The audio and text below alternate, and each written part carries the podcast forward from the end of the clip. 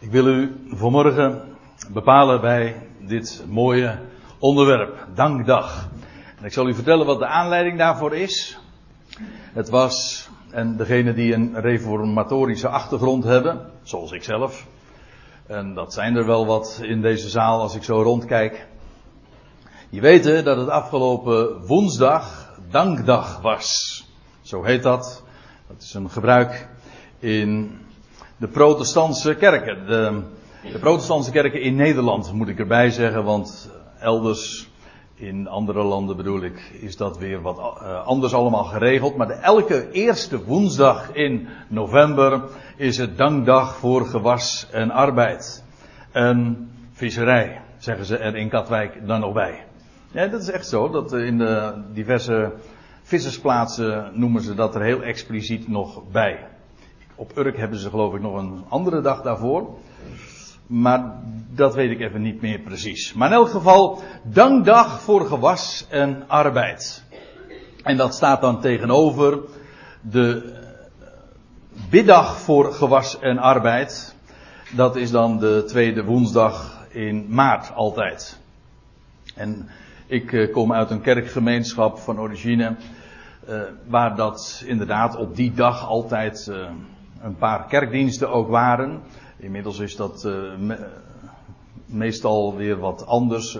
Alleen nog in de traditionele dorpsgemeenschappen kent men dat fenomeen nog. Maar dat er echt een dag speciaal gereserveerd is. Dat eigenlijk als een soort van zondag geldt waar ook niet gewerkt wordt.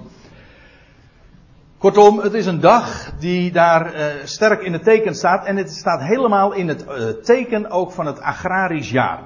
Het is een, al een heel oud gebruik, want ergens in de 16e eeuw is dat eigenlijk aan het begin dus van de reformatie, in de, van de reformatorische kerken in Nederland, is dat gebruik al meteen ingesteld om zowel aan het begin van het jaar, dan bidt men en aan het einde van het jaar dankt men voor de oogst die moet komen, respectievelijk eh, binnengehaald is.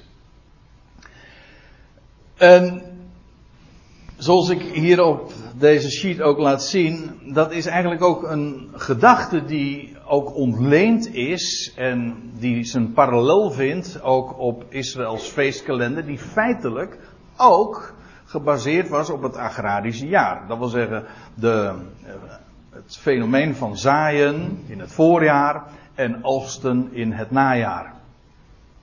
En als ik het zo zeg, dan zit daar ook nog weer een bepaalde theologische achtergrond in. Namelijk dat men ook sterk leefde in de gedachte dat wij als kerk Israël zijn.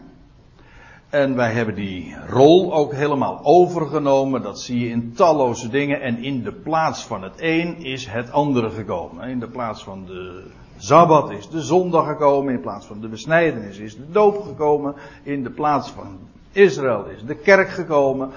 En helemaal in dat rollenspel noem ik het. Want het is namelijk niet dat wat de schrift daarover leert. Maar in ieder geval, in die gedachte, in dat stramin zit men. En dan is het ook heel logisch dat je daarmee ook de kalender overneemt met even aanpassingen. Want ook die hele feestkalender die wij kennen van Pasen. Maar dat is in plaats gekomen van Pesach. En Pinksteren is in plaats gekomen van het Shavuot, het wekenfeest. En dat geldt voor, voor diverse andere hoogtijden van Israël ook. Alles is in de plaats gekomen van en men leeft daar helemaal in. Dat is de negatieve manier van formuleren. Dat wil zeggen, de kanttekening die ik erbij maak. dat men heel sterk leeft in die gedachte van Israël. Wij zijn dat. En ook de nadruk op aardse zegeningen dat was aan Israël ook beloofd. Dat, eh, dat het eh, land vrucht zou dragen. Trouwens, alles zou vrucht dragen als het volk leefde eh, in de wegen van God. Nou, dat idee is zo in, daarin overgenomen. Ik moet er ook bij zeggen dat er natuurlijk ook een schitterend element in zit. Namelijk de gedachte dat je alles van God mag ontvangen. En dat dat ook te maken heeft gewoon met het dagelijks leven. En vroeger leefde men natuurlijk veel sterker nog bij die cycli van de jaargetijden. Was men daar ook nog misschien veel meer van afhankelijk. Heel dicht bij de natuur. En als je dat dan kunt koppelen aan de schepper, die dat alles geeft en die daar een plan mee heeft. Ja, en je kan hem daarvoor de dank toebrengen. Dat is prachtig. Het loutere feit, dat moet ik er dan wel bij zeggen, en dat, daarmee zit ik een beetje voor te beduren op wat u hier zo ook ziet. Het loutere feit dat men daarbij heel sterk is gefocust op die aardse zegeningen, dat is dan wel weer natuurlijk een, een eigenaardig ding. Maar weet u, kijk, van de gemeente, ik bedoel, het uitroepsel dat God vandaag zich verzamelt, dat is geen aardsvolk. We zijn ook niet verbonden met aardsbanden, we zijn geen nationaliteit, we zijn niet etnisch of zo. Nee, het is een, de Ecclesia is internationaal. God roept zich vandaag een volk uit de volkeren.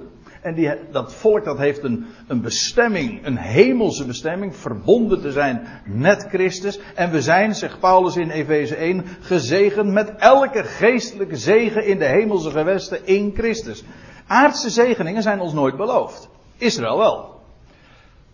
Dus daar is een verschil. Maar toen ik daar zo van de week bij bepaald werd, ik had ook nog een heel gesprek over die betekenis van Dankdag. Ik sprak eh, met iemand uit Katwijk en die vertelde hoe grote rol die dag ook speelde in het hele, ja, in de dorpsgemeenschap van oudsher. Toen werd ik daarbij bepaald en toen dacht ik van, daar wil ik toch graag eens wat meer nog over naar voren brengen. En ook over de betekenis van danken in het algemeen. En van dankbaarheid. Kijk, danken, dat is wat je doet, wat je zegt. Dankbaarheid heeft te maken met de houding van, een, van erkentenis. Je ontvangt iets en dan ben je dankbaar. Dat is nog iets wat in het hart zit. Je bent iemand dankbaar. Dat, eigenlijk zit daar ook de gedachte al in vervat dat daar een God is. Ik bedoel, kijk, als jij een cadeau krijgt voor je verjaardag, dan zeg je dank u wel tegen degene die dat geeft. Maar als je, om maar wat te noemen, de oogst binnengehaald hebt, of je bent gezond. Ik heb nu gewoon over aardse dingen. Of je kunt je verheugen over de zegeningen die je krijgt. Dan zit daar de gedachte in dat daar iemand is die dat geeft. Als je, als je God niet kent, dan kun je nooit dankbaar zijn voor je gezondheid. Wie moet je dankbaar zijn? Je bent iemand dankbaar. Je kunt toch niet het dankbaar zijn? Nee, je bent iemand dankbaar. Als het allemaal puur toeval is, zoals de wereldse filosofie dan is, doorgaans, ja, dan kun je niet dankbaar zijn. En dan zie je ook hoe belangrijk het is om God te kennen. Dat er iemand is die aan het begin staat, die een die een hart, die met recht een hart heeft. Zoals we zojuist ook in het gebed memoreerden. Die alles plaatst, maar die ook een vader is. Die zorgt. Die begaan is met zijn creaturen, met zijn schepselen. Die dat niet laat varen. Kijk, hem dankbaar te zijn. En daar is een mens op gemaakt. Het is de belangrijkste levensles die een mens kan leren. Hem te leren kennen. Dat geeft het leven zin en inhoud. Al het andere is gewoon niets. Ten opzichte van dat bedoel ik. Stelt niets voor. Als je hem kent, heb je alles. Als je hem niet kent, heb je niks. Als het erop aankomt. Nou. Ik wil u eens meenemen vanmorgen naar Colossense 2. Een brief die Paulus dus geschreven heeft aan een gemeente in Colosse. Ik zal u straks het kaartje nog laten zien. Dan heb u een beetje een idee waar dat uh, gelokaliseerd moet worden. Maar goed, inmiddels is er dus al een heel hoofdstuk geschreven. Trouwens, ik zal straks ook nog wel even laten zien wat, wat Paulus al in het voorgaande had gezegd. Maar laten we beginnen bij vers 1. Hij zegt, ik stel er prijs op en hij hechtte er waarde aan. Hij wilde dat men wist hoe zware strijd ik te voeren heb. U moet zich realiseren, Paulus was nooit in Colosse geweest. Het evangelie hadden ze vernomen van een Epaphras. Geloof dat ik daar straks ook nog een diaatje van heb waar dat gezegd wordt. Een Epaphras en dat was, dat was een getrouwe medeslaaf, zegt Paulus. Paulus had heel veel fiducie in deze man, omdat hij het evangelie van de genade Gods in waarheid had verteld aan hen. Wel, Paulus zelf was daar nooit geweest, maar toch was hij zo betrokken bij dat wat daar allemaal plaatsvond. Hij was ook buitengewoon dankbaar. Zo begint hij die brief met wat hij vernomen had van Epaphras en hoe het evangelie daar ontvangen was en hoe, ze daarin bevestigd werden. Maar er was zware strijd. En dat was vanwege de dreigingen die daar waren in Colosse. Dat wil zeggen, leringen. We zullen dat straks ook zien in vers 4, maar ook nog in vers 8. Dreigende filosofieën, leringen die hen uit hun positie, die ze hadden in Christus, waar ze zo blij mee waren, die ze daaruit zouden doen verdrijven, zodat ze daarvan zouden worden verwijderd. En daar was Paulus buitengewoon bezorgd over. En daar voerde hij zware strijd. En je leest ook dat hij streed in de gebeden. Dat ze zouden staan en blijven staan in dat wat ze ooit hadden vernomen. Hij zegt, dat wilde hij dat ze dat zouden weten. Hij zegt, die zware strijd voor u, dat wil zeggen eigenlijk voor jullie, meervoud. En voor hen die te Laodicea zijn. Dat is een plaatsje dat daar dichtbij in de buurt lag. Ik heb hier een kaart niet heel erg scherp, maar u ziet hier, dit is het huidige Turkije. Hier heb je de landstreek van Galatië, hier heb je Griekenland nog een deel. En dan heb je hier deze plaatsjes, plaatsje, ja, plaatsjes uh, Colosse en Laodicea. Colosse, daar is tegenwoordig helemaal niks van, meer van over. En van Laodicea geloof ik ook niet zo gek veel meer. Maar dat weet ik even niet zo uit mijn hoofd. Maar in elk geval, dat waren de plaatsen waar je dat moet denken. En Paulus is hier trouwens in deze streek op zich heel erg actief geweest. We weten dat ook aan het boek eh, Handelingen in Efeze en diverse andere plekken ook nog. Maar in elk geval, hier was hij niet geweest. Maar zij hadden het vernomen van zijn medewerker, Epaphras. En, en Paulus was daar heel in meelevend. En in zijn gebeden en in zijn dankzeggingen was hij daarbij betrokken. Voortdurend. Als hij dat vernam, dankte, en, dankte hij God en, en hij bad dat ze daarin ook zouden blijven. Dat wilde hij graag dat ze dat ook zouden weten. En voor alle zegt hij, niet alleen dus voor degene die daar in Colosse waren en in Laodicea. Trouwens, Laodicea, dat had ik nog te zeggen. Die plaats kennen we natuurlijk weer uit het boek Openbaring. Want er is een brief geschreven aan de Ecclesia in Laodicea. Dat was een Joodse Ecclesia, maar goed, daar gaat het nu even niet over. Uh, die plaatsnaam wordt in dat verband genoemd. En voor allen uh, die mijn aangezicht niet hebben gezien in het vlees. Ik zei al, daar die gemeente in Colosse was ontstaan door de evangelieprediking van Epaphras. Niet Paulus. Die was daar niet geweest. Zij hadden zijn aangezicht niet gezien. En, maar zijn, hij zegt dit nu ook. Eigenlijk tegen u en mij. Ja, want hij zegt, dit is. Die betrokkenheid had Paulus voor de Colossers. Voor degenen die in Laodicea waren, maar voor, ook voor allen die zijn aangezicht niet hebben gezien in het vlees. Hebt u ooit Paulus gezien, zijn aangezicht? Nee, ik ook niet. Dus dan hoort u ook bij deze allen. Wij vernemen nu dat wat, er, wat hij ooit heeft opgetekend. En Paulus zegt, wel, die zijn daar ook bij betrokken. Deze brief is, dat is daarmee ook gezegd, deze brief had dus ook duidelijk het karakter van een rondzendbrief. En uh, over de hoofden van de kolossers heen was die bestemd voor allen die in Christus Jezus zijn. We zullen dat straks trouwens ook nog wel zien. En dan zegt hij erbij, opdat hun harten, hun, dat wil zeggen van degene die in Colosse, die in Laodicea, en van wie dan ook, maar die mij nooit gezien heeft, maar die dit lezen, opdat hun harten getroost en zij in de liefde verenigd worden. Even dat woord getroost. Kijk, bij troost denken wij aan verdriet. Je wordt getroost in verdriet. Maar hier wordt een woord gebruikt dat niet de gedachte heeft van troost. Dit, dit woord, dit Griekse woord wordt trouwens nog heel divers vertaald. En dat is erg lastig als je het woord echt wil leren kennen. Het betekent letterlijk naast roepen. En dat dan in de zin van aanvuren, aanmoedigen. Bemoedigen.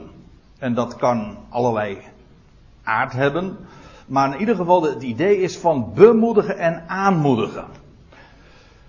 Hier is geen sprake van verdriet, dus het vertaalwoord troosten lijkt mij in dit geval ook misplaatst. Maar dan aanmoedigen daarentegen niet. Dat zij bemoedigd zullen worden. Hun harten, gewoon diep van binnen, bemoedigd zouden worden en zij in liefde verenigd worden. Liefde, agape. Dus niet zomaar genegenheid, dat aangetrokken voelen tot een ander, zoals we dat gewoon kennen. Je, bent je voelt je aangetrokken tot iemand en tot een ander juist niet. De ene is je sympathiek, de ander is je niet sympathiek. Agape is een begrip dat dat ver overstijgt en dat heeft te maken met de liefde van God. En daarvan hebben we zojuist al gedacht en ik, ja, dat is zo geweldig en eigenlijk is dat de hele clue ook. We hebben een God. En die voor wie elk schepsel telt. Kijk, dat is agape. Die liefde kun je niet verdienen door goed te doen. Die liefde kun je ook niet kwijtraken door niet goed te doen of door kwaad te doen. Daar kun je nooit, daar val je never nooit buiten. Dat is dus agape. Dat is liefde, vandaar ook dat men zegt, dat, je kunt dat in de woordenboeken navinden, nazoeken ook. Agape, dat is liefde die onvoorwaardelijk is. Waarom? Omdat er namelijk geen grens aan is. Er zijn geen limits.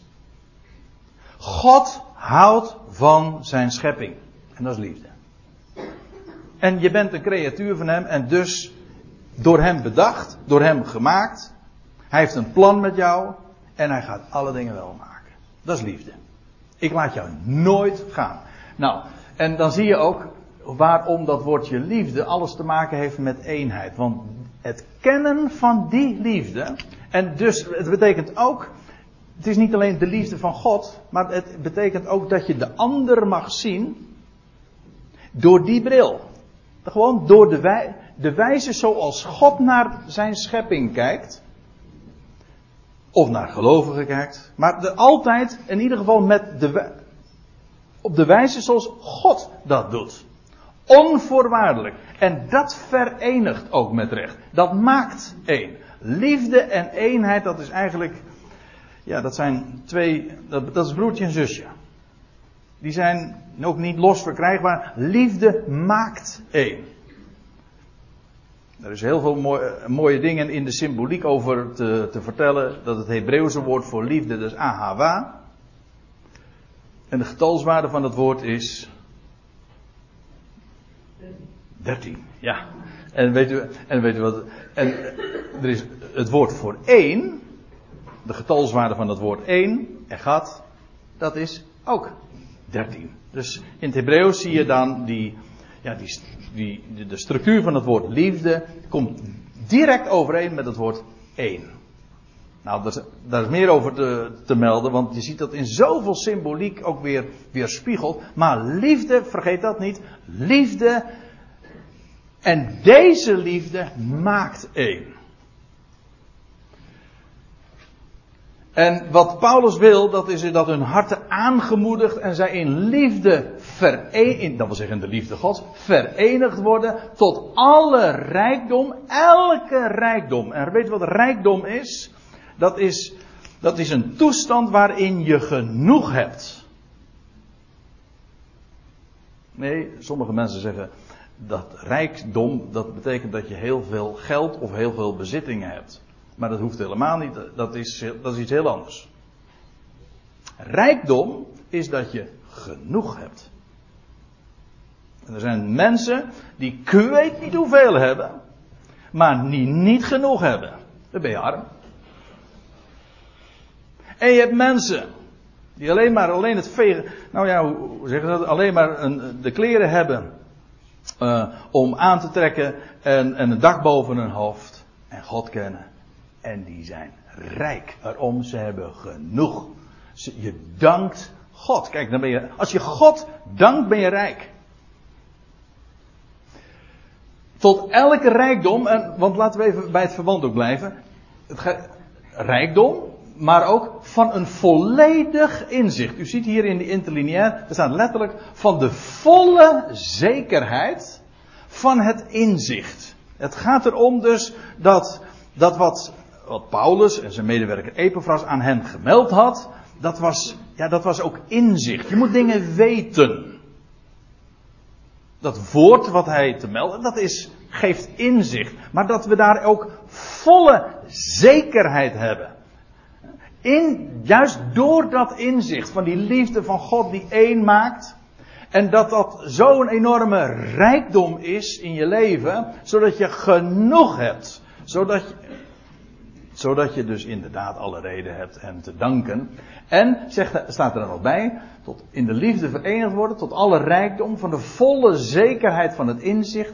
En zij mogen kennen, ziet u hier in de, in de interlineair, er staat letterlijk dat woord besef. Er staat hier een woord dat eigenlijk, dat betekent bovenkennis. Dat wil zeggen, je kunt dingen kennen, maar er gaat iets wat daar boven, er gaat iets.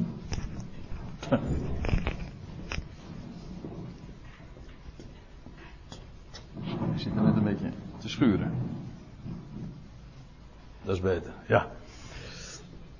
Dat, dat bovenkennen, dat, is, dat gaat boven kennen uit. Het veronderstelt als de basis, je weet de dingen, maar bovenkennis dat is dat je besef hebt, dat je je realiseert, want het zijn twee dingen. Iets weten is één ding, maar het gaat erom dat je het beseft. Echt realiseert. En daarover gaat het hier. Opdat ze zouden beseffen het geheimenis van God. Het van het geheim van de God. Die ene. En wat is dat geheim van de God? De verborgenheid. Als u een statenvertaling hebt, dan staat er altijd het woordje verborgenheid. En dat is het ook. Het is een geheim. Zelfs als je het uitbazuint, dan blijft het een geheim. Nu, in deze tijd. Je zult het niet. Het komt niet terecht op de nieuwsredacties van de dagbladen. Je zult het eh, niet in de actualiteit terugvinden. Het is gewoon in deze wereld een verborgenheid. En die verborgenheid, dat is iemand. Het staat erbij. Zij het geheim van de God mogen kennen. En er staat erbij Christus. En nou, Hmm.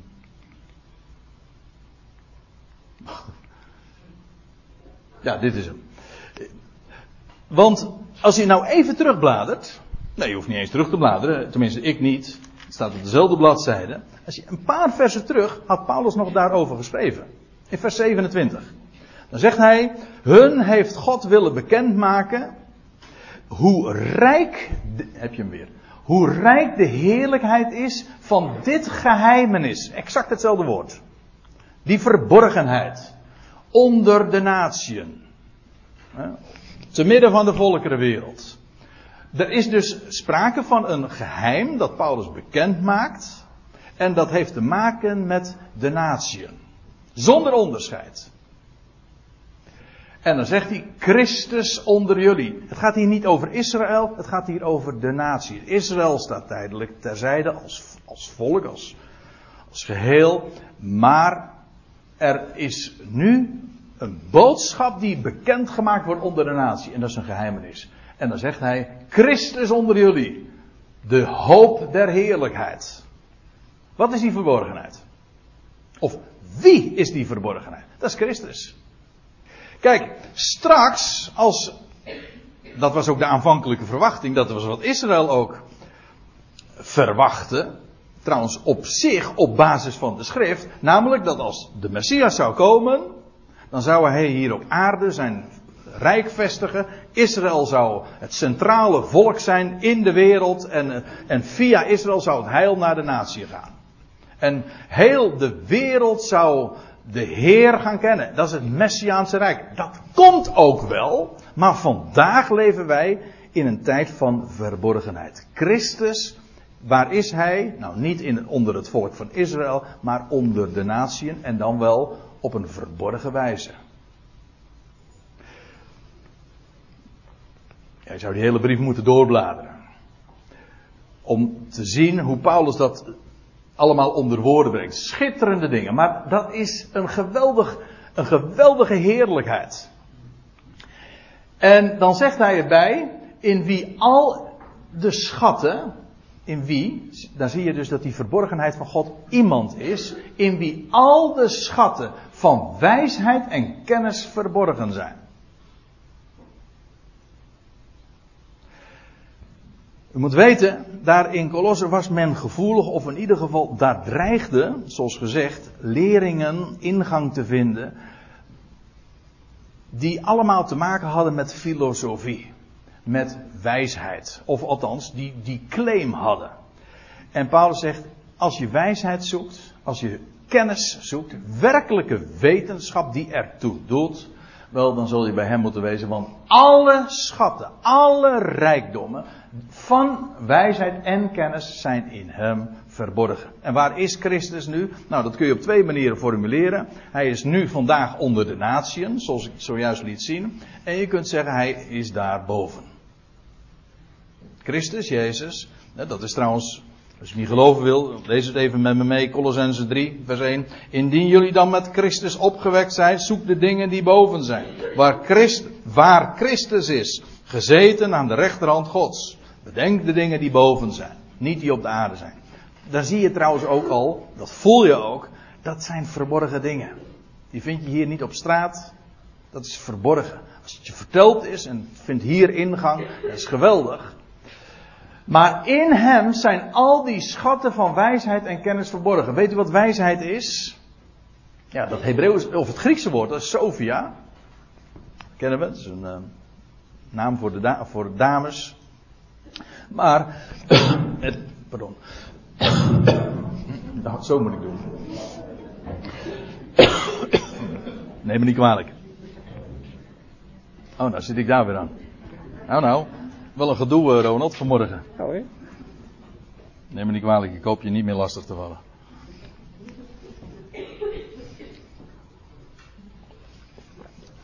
Ik wil één ding daar nog over gezegd hebben. Over dat woordje Sophia. Want dat is leuk. En mooi, want dat, dat Griekse woord Sophia, dat betekent wijsheid, maar het is afgeleid van een Hebreeuws woord en dat is Sophim. En dat komen we in het Hebreeuwse Oude Testament dus tegen en dan zijn, dat zijn uitkijkposten. En dat heeft dus te maken met overzicht. Als je op een hogere plaats staat en je hebt uitzicht en daarmee ook overzicht, dat is dat woordje Sophie. En dat geeft zo'n enorme betekenis aan dat Griekse woord Sophia. En dus wat wijsheid is. Wijsheid is wat anders dan wetenschap. Wijsheid dat is dat je uitzicht hebt. En ook het geheel overziet. Het verband van de dingen gaat verstaan. Dat is, dat is wijsheid. Dat je op, dat is een andere manier van zeggen, dat je op de hoogte gesteld bent. Namelijk in staat om vooruit te kijken en werkelijk uitzicht hebt.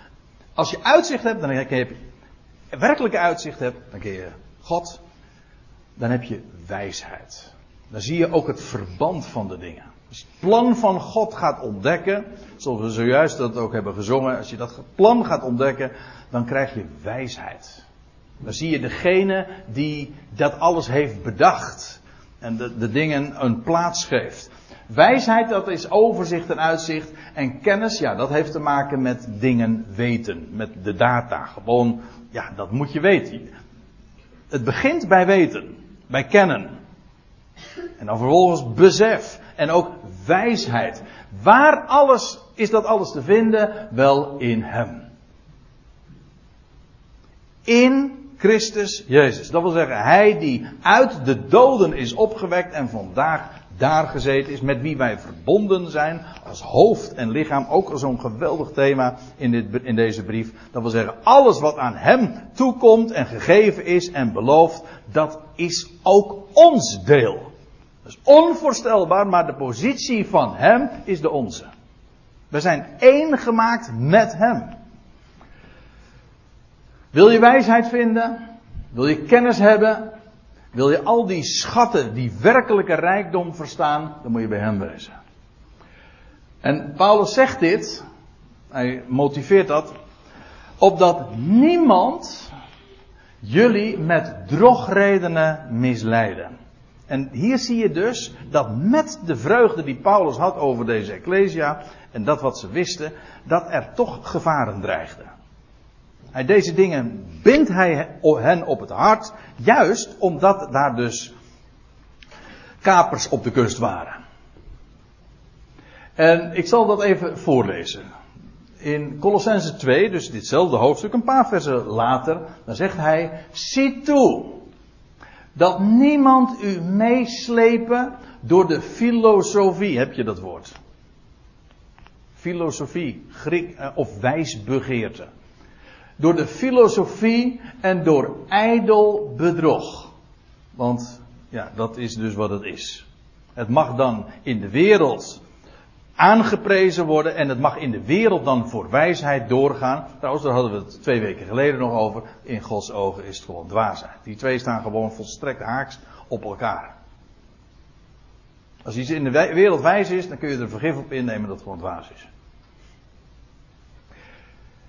Zie toe dat niemand je meeslepen door filosofie, door ijdel bedrog, door allerlei redeneringen maar waarin aannames verborgen zijn die jou op sleeptouw nemen en die je gewoon op het verkeerde been zetten. En het is allemaal in overeenstemming, want dat was aan de hand met die filosofieën.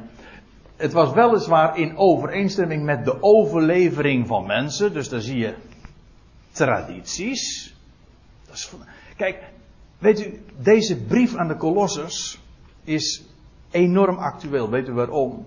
Omdat datgene wat voor de kolosses nog dreigingen waren. En waarom Paulus deze brief ook optekende. Dat is inmiddels waarheid geworden. Dat wil zeggen, toen was het nog maar een dreiging daar in Kolossen. Maar inmiddels is de hele christelijke wereld daarvan vergeven. Het is, zijn ze al lang daaraan ten prooi gevallen. En in meegesleept met filosofieën, maar het is ijdel bedrog. Het is inderdaad in overeenstemming met tradities. Dat is zelfs een heel belangrijk criterium. Het moet wel in overeenstemming zijn met datgene wat wij van de vaderen altijd hebben overgeleverd gekregen. Het is een heel belangrijk criterium. Op het moment dat je dat soort termen, terminologie hoort, dan weet je meteen van aha. Dat is waar Paulus het dus over had. Het is een overeenstemming met de overlevering van mensen. Het is ook in overeenstemming met de elementen van de wereld. Ja, in uw vertaling staat er waarschijnlijk MBG uh, wereldgeesten, maar er staat eigenlijk gewoon de elementen, het ABC van deze wereld.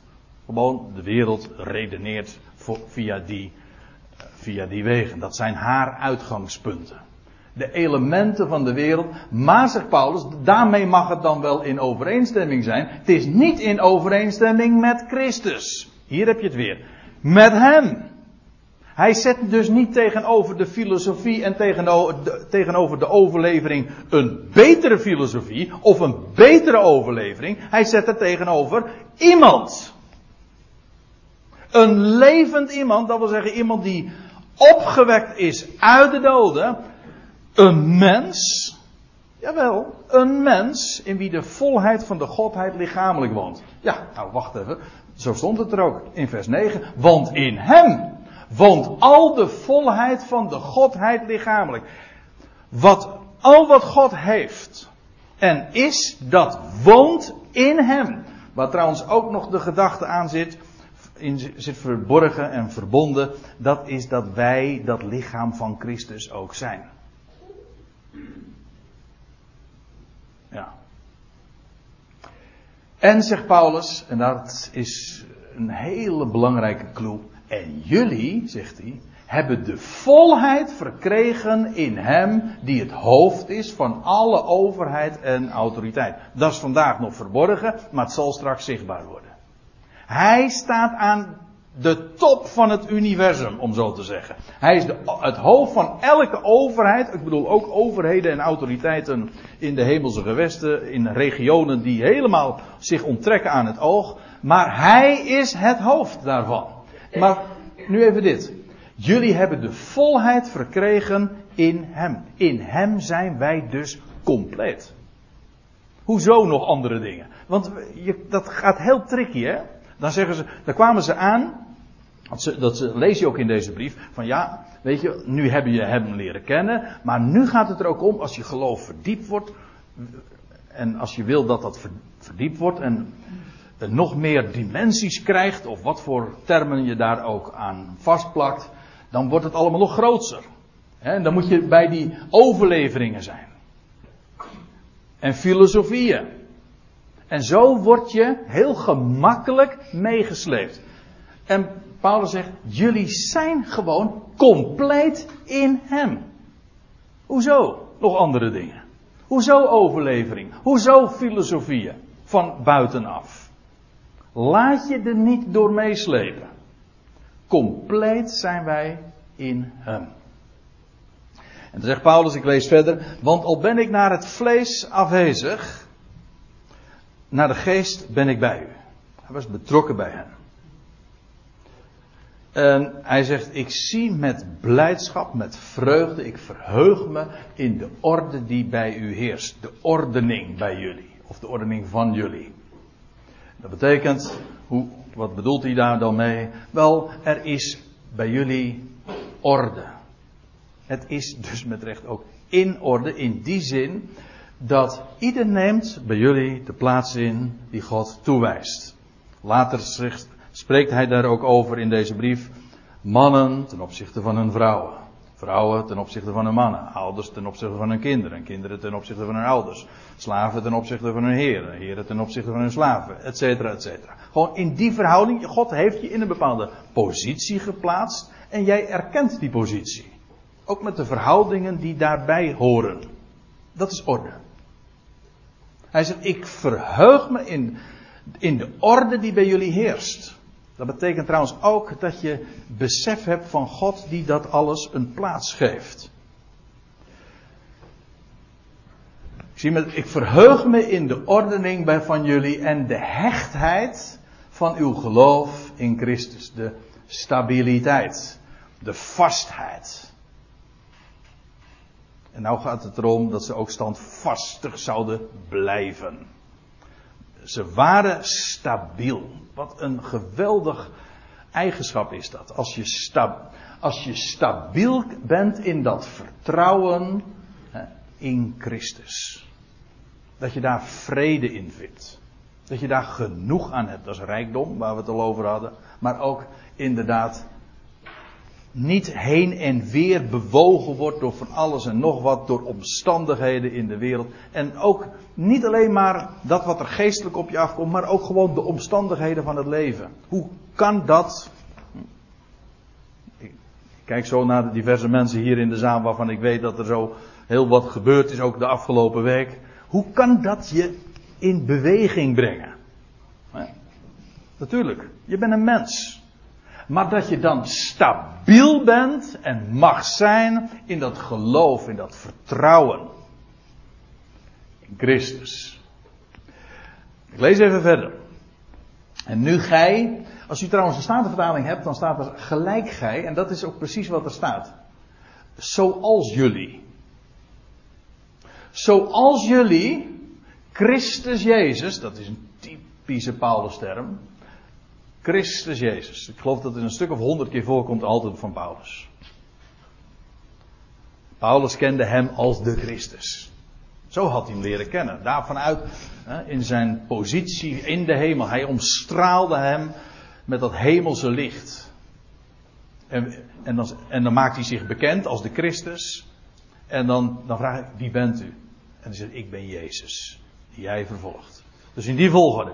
Hij kende Christus de opgewekte, de verheerlijkte. En die maakt zich dan bekend als degene die hier op aarde Jezus was.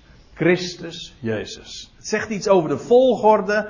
Eh, wat, en ook wat bij hem voorop staat. Zoals jullie Christus Jezus, de Heer. Kijk, dat zijn van die termen die we gebruiken, maar besef je wat het betekent. Heer, dat is in het Grieks kurios dat is een eigenaar. term was veel breder. Ik bedoel, het kan op van alles van toepassing zijn. Maar als je van iets eigenaar bent, oftewel de beheerder, dan beheer je iets. En dat is Christus Jezus. Christus Jezus, hij is Curios, dat wil zeggen, als hij, als van de Colossus gezegd wordt, jullie hebben Christus Jezus aanvaard, of ontvangen, ik kom erop terug, als Heer, dan betekent dat Hij is degene die jullie beheert. Die garant voor je staat. Als ik, als iets een beheerder heeft, die beheerder die gaat over jou. Die zorgt voor jou. Die geeft je wat je nodig hebt. Dat is een beheerder, toch? Wel, wij hebben zo'n beheerder. Daarom zit er dus een geweldige vreugde zit daarin aan gekoppeld. We kennen iemand die voor ons zorgt, die onze Heer is. Van wie wij zijn, wiens eigendom je bent. En dat hadden zij aanvaard. Als u een Stelos vertaling hebt, dan staat ontvangen hebt. Dit woord ontvangen, dat staan we, dat wordt ook elders zo, dit woord zo gebezigd. Accepteren, ik zeg niet dat dat, dat uh, fout is, maar het idee is vooral van ontvangen. Je krijgt iets om niet. Jullie hebben Christus Jezus, de Heer, ontvangen. En dan zegt Paulus, wandelt in hem. Zo begon het. Ze hadden die blijde tijding gehoord. Van wie God is, in zijn zoon, Christus Jezus, de redder, de genade van God. En Paulus zegt, wandelt nu ook in hem. Dat woordje wandel is mooi. Weet je wat de, de gedachte bij lopen is? je gaat van A naar B. Maar we kennen allemaal het verschil tussen je loopt ergens naartoe. Maar wandelen, ja, dat is. dan maak je een ommetje. Het leuke is dat dat Griekse woord voor wandelen, dat is eigenlijk het bestaat uit twee delen, maar letterlijk betekent dat rondom treden. En daar zit dus dezelfde gedachte in als die wij hebben bij wandelen. Namelijk, je maakt een ommetje. En daarbij gaat het er niet om, uh, want dat, dat irriteert mij soms ook uh, in, in gesprekken dikwijls. Uh, onder gelovigen die zo gemakkelijk dan weer wettisch gaan denken in de sfeer van eh, dat het bij die wandel erom gaat wat voor jasje je aan hebt, of, of dat je een paraplu bij je hebt, of dat je welke schoenen je aantrekt. Nee, weet u wat, waar het bij wandelen om gaat? Trouwens ook niet eens waar je loopt. Het gaat erom dat wij wandelen in Hem. Dat wil zeggen, Hij is de sfeer waarin wij wandelen. Wij, wij, je gaat je weg. Zo in het leven, u de ander, een andere dan ik. Maar wat is daarbij van belang? Wel dat we, zoals we hem ooit als beheerder, als heer, als curios hebben ontvangen, dat we vervolgens daarin verder gaan. Daarin rondgaan. Rondtreden. In wandelen.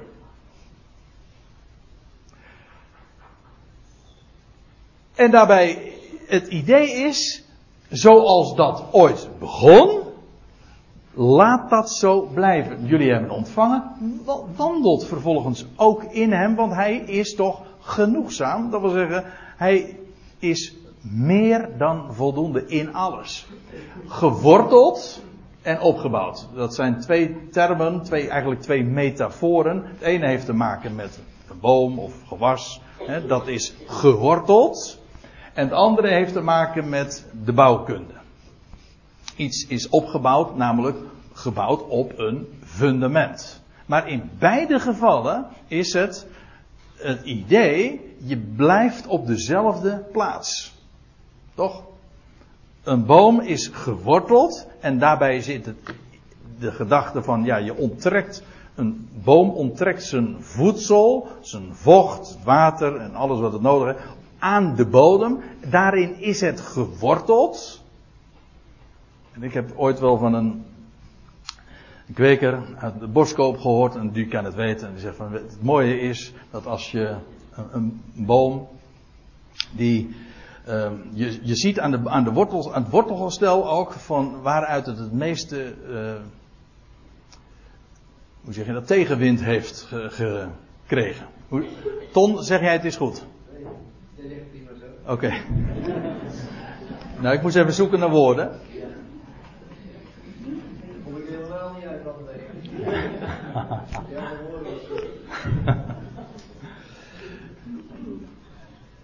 Maar de gedachte die die boomkweker toen doorgaf aan mij was, en dat vond ik heel mooi, dat wil zeggen, juist van tegenwind wordt zo'n boom alleen maar sterker en sterker geworteld. Dus het, het, maakt je krachtiger. Wel, hier gaat het over een geworteld worden. Met het idee van, daar onttrek je, aan de bodem onttrek je al je voedsel. En waarin is dat dan? In Hem. Hij is namelijk genoeg, zoals we hem ontvingen, maar ook vervolgens dat wat volgt, onze hele wandel, waar we gaan en staan, waar we ook verblijven, waar, het is in hem. Geworteld, blijft daarin staan en vervolgens opgebouwd. En je, een gebouw is gefundeerd. En wat daarbij van belang is dat het fundament solide is en dat je op dat solide fundament blijft. En je merkt aan de metaforen die Paulus kiest, hoe hij hier ook zich verzet tegen die dreigementen daar in Colosse. Namelijk, je zou verder moeten komen. Van ja, nu heb je dat wel. Christus is al prachtig, maar als je, als je wil dat je verder komt, dan moet je ook de filosofieën en de overleveringen je eigen gaan maken. Met andere woorden, hij is niet genoeg. Nee, zegt Paulus, daar in hem zijn alle schatten van wijsheid te vinden en kennis te vinden. En hij biedt meer dan genoeg voedsel. En hij is solide genoeg om, om opgebouwd te worden. Geworteld, opgebouwd wordend in hem. En dan, nou, de derde metafoor onderstreept dat natuurlijk alleen maar. Bevestigd worden, dat wil zeggen vastheid vindend in het, niet in werken, maar in geloof vertrouwen. En wel zoals je geleerd, het, geleerd is. En u weet het. Van wie is het geleerd hè? Ik lees het eventjes voor. Colossense 1. Dan zegt Paulus dit. Het evangelie dat tot jullie gekomen is. Dat jullie gehoord hebben. En dan zegt hij erbij. En de genade van God in waarheid hebt leren kennen. Zoals jullie het vernomen hebben van Epaphras, onze geliefde medeslaaf. Oh, pardon. Uh, die voor u een getrouw dienaar van Christus is. Maar let even op. Wat hadden ze van Epaphras vernomen? De genade van God in waarheid. En weet je wat dat is? Die genade Gods in waarheid. Ik heb het juist gisteren nog gelezen, in Romeinen 3. Allen hebben gezondigd. Dat wil zeggen, zijn doelmissers. Zondaren, stervelingen. Allen zondigden. En derven de heerlijkheid Gods. En worden om niet gerechtvaardigd. Door zijn genade. En door de verlossing die in Christus Jezus is. Dat is, dat is de genade Gods in waarheid. Die vandaag trouwens. Die waarheid wordt een leugen genoemd en is zelfs een ketterij. Maar het is de basis. Het is de genade Gods in waarheid. Allen zondigden. We zijn allemaal doelmissers. Dat is een universele waarheid. En worden om niet gerechtvaardigd. Om niet. Dat wil zeggen zonder dat, er, dat je er iets voor kunt doen of moet doen. Het is om niet, het is gratis en wordt om niet gerechtvaardigd. Door zijn genade. Als mocht het je ontgaan zijn dat het om niet is, staat het er nog achter ook. Om niet door zijn genade. Dat is de genade Gods in waarheid. Dat is zo overtreffend en zo alomvattend en ook ieder insluitend. Dat is een geweldige waarheid. Al die miljarden mensen, wie ze ook zijn, wat hun achtergrond ook is, het zijn zondaren en stervelingen. En tevens, en dat is het evangelie, het evangelie is, ze worden allen om niet gerechtvaardigd. Om niet, door zijn genade. Dat is een bericht. Dat is geen opdracht om te werken, want daar kun je namelijk niks voor doen. Het is een bericht. Maar zo'n kolossaal, een kolossaal mooi en goed bericht. Vertel het. Van Epaphras hadden ze het vernomen. De genade Gods in waarheid. En ik zal u nog eentje geven. Colossense 1. We hadden het over geworteld, opgebouwd, bevestigd worden, vastgesteld worden. In dat geloof. Vertrouwen daarop. En nou, we lazen het in Colossense 1. Van Epaphras hadden ze het vernomen. En dan zegt hij nog even verder in datzelfde Colossense 1 dus. Dan zegt hij dat jullie wel gegrond. Heb je weer diezelfde terminologie, dezelfde metaforen, dezelfde associaties. Wel gegrond, standvastig blijft. Heb je het weer. Ze stonden weliswaar, maar blijf ook staan in het geloof. En u niet laat afbrengen van de hoop van het evangelie. Ik zei al, hier was het nog een dreiging. Inmiddels is dit gewoon, en ik gebruik nu even expres dit woord, gemeen goed. Daar heeft men zich van af laten drijven. Weet u wat de hoop van het evangelie is? Nou, hier, dit is vers 23. Moet u eens lezen wat er in vers 20 staat.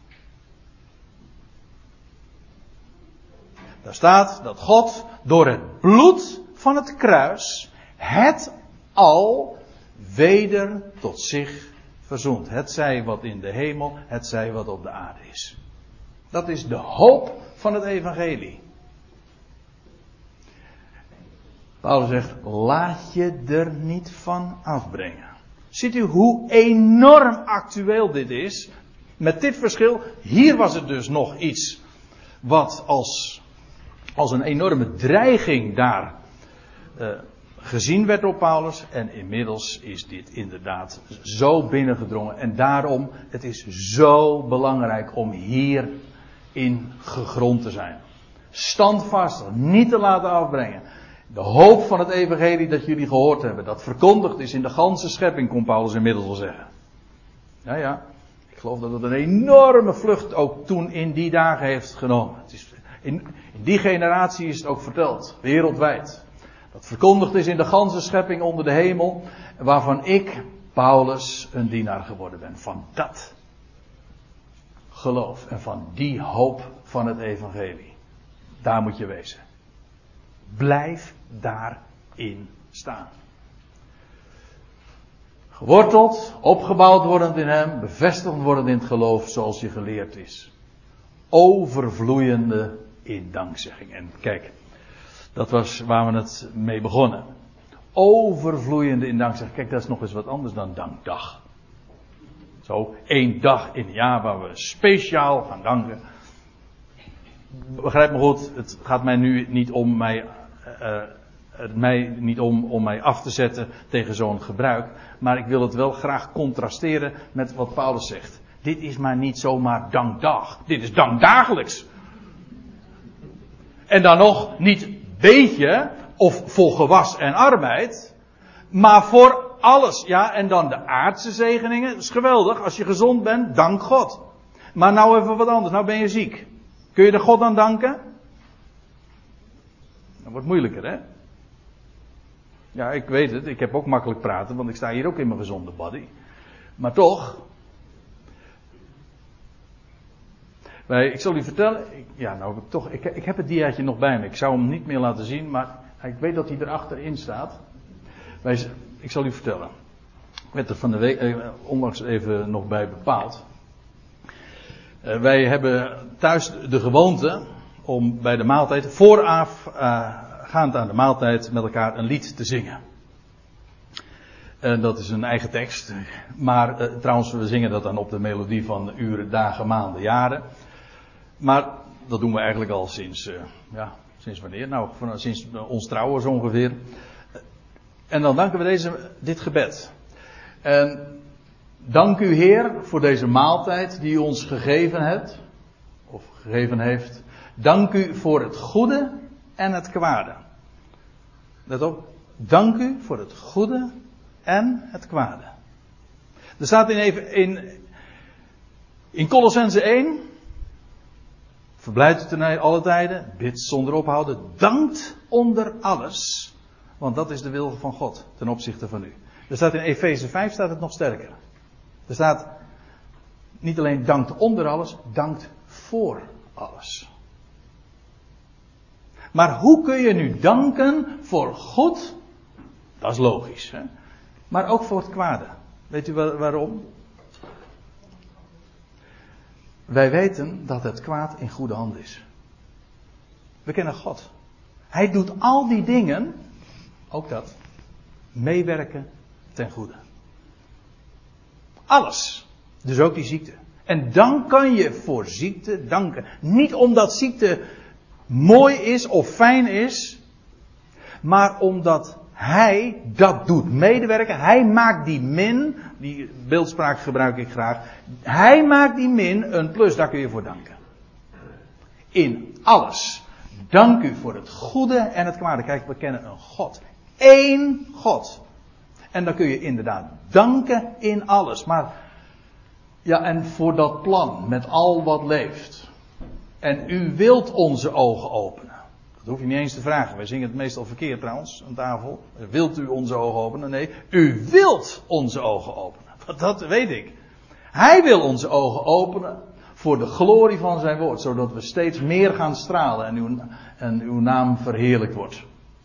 Maar het ging me even om dat dank u voor het goede en het kwade. Dat is zo bazaal. En dat heeft ook alles te maken met wat Paulus hier zegt. Overvloeiende in dankzegging.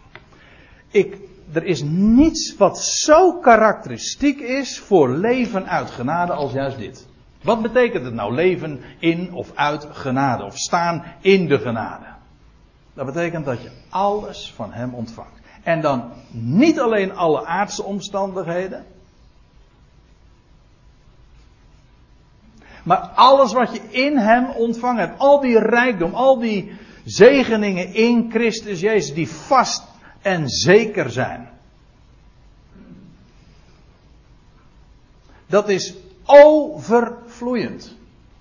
Paulus spreekt er ook over in Efeze 1. Overvloeiende genade. Als je daarvan besef gaat krijgen, word je overvloeiende in dankzegging. En je merkt ook meteen, wanneer dit gaat vervlauwen, dan weet je dat besef van genade is aan het verminderen. En meestal is dat ook omdat er allerlei dingen, leringen, beweringen, dreigen, of die krijgen invloed in je leven, waardoor dit gaat vervlauwen. En die dankzegging heeft dan ook weer alles te maken met vreugde. Wij danken niet omdat we blij zijn. Mensen, mensen denken dat. Ja, als je blij bent, dan dank je. Nee, wij danken niet omdat je blij bent, zijn. We zijn blij omdat we danken. Dus een paar maanden geleden was er een vrouw die naar mij toe kwam en die zei van, ik heb zo leren, zien en ontdekken dat het waar is, waar je altijd op hamert, het belang van dankzegging. Zeggen, ik ben inderdaad God gaan danken voor die, al die moeite. En dat was in haar geval heel specifiek en ook heel zwaar. Maar ze zegt, het is zo waar. Dan leert een mens werkelijke vreugde verstaan. Overvloeiende in dankzegging. Wat een leven.